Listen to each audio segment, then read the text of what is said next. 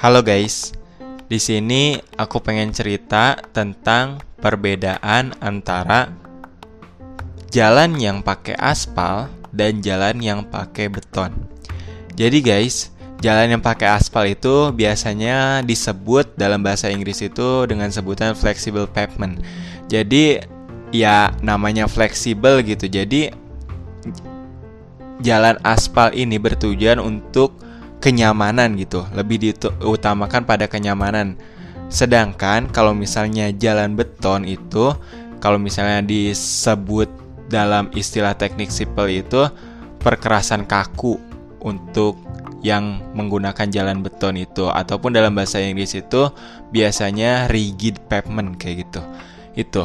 Jadi kalau misalnya jalan beton itu tujuan utamanya adalah untuk kekuatan, untuk daya tahan dari beban-beban yang lebih berat yang bisa ditahan oleh si jalan aspal ataupun flexible pavement gitu.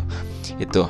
Jadi si jalan aspal ini tujuannya untuk kenyamanan, sedangkan jalan beton ini tujuannya untuk kekuatan ataupun daya tahan dari beban-beban berat ataupun dari kendaraan-kendaraan berat. Makanya kalau misalnya kita lewat jalan aspal ataupun jalan beton kan beda kayak gitu apalagi di jalan tol.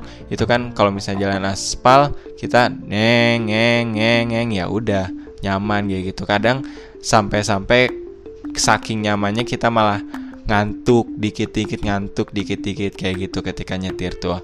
Terus kalau misalnya bedanya sama jalan beton kita kan kalau misalnya lagi nyetir ataupun lagi di mobil ataupun lagi di kendaraan lain biasanya lewat jalan beton itu gejur gejur gejur gejur gejur kayak gitu.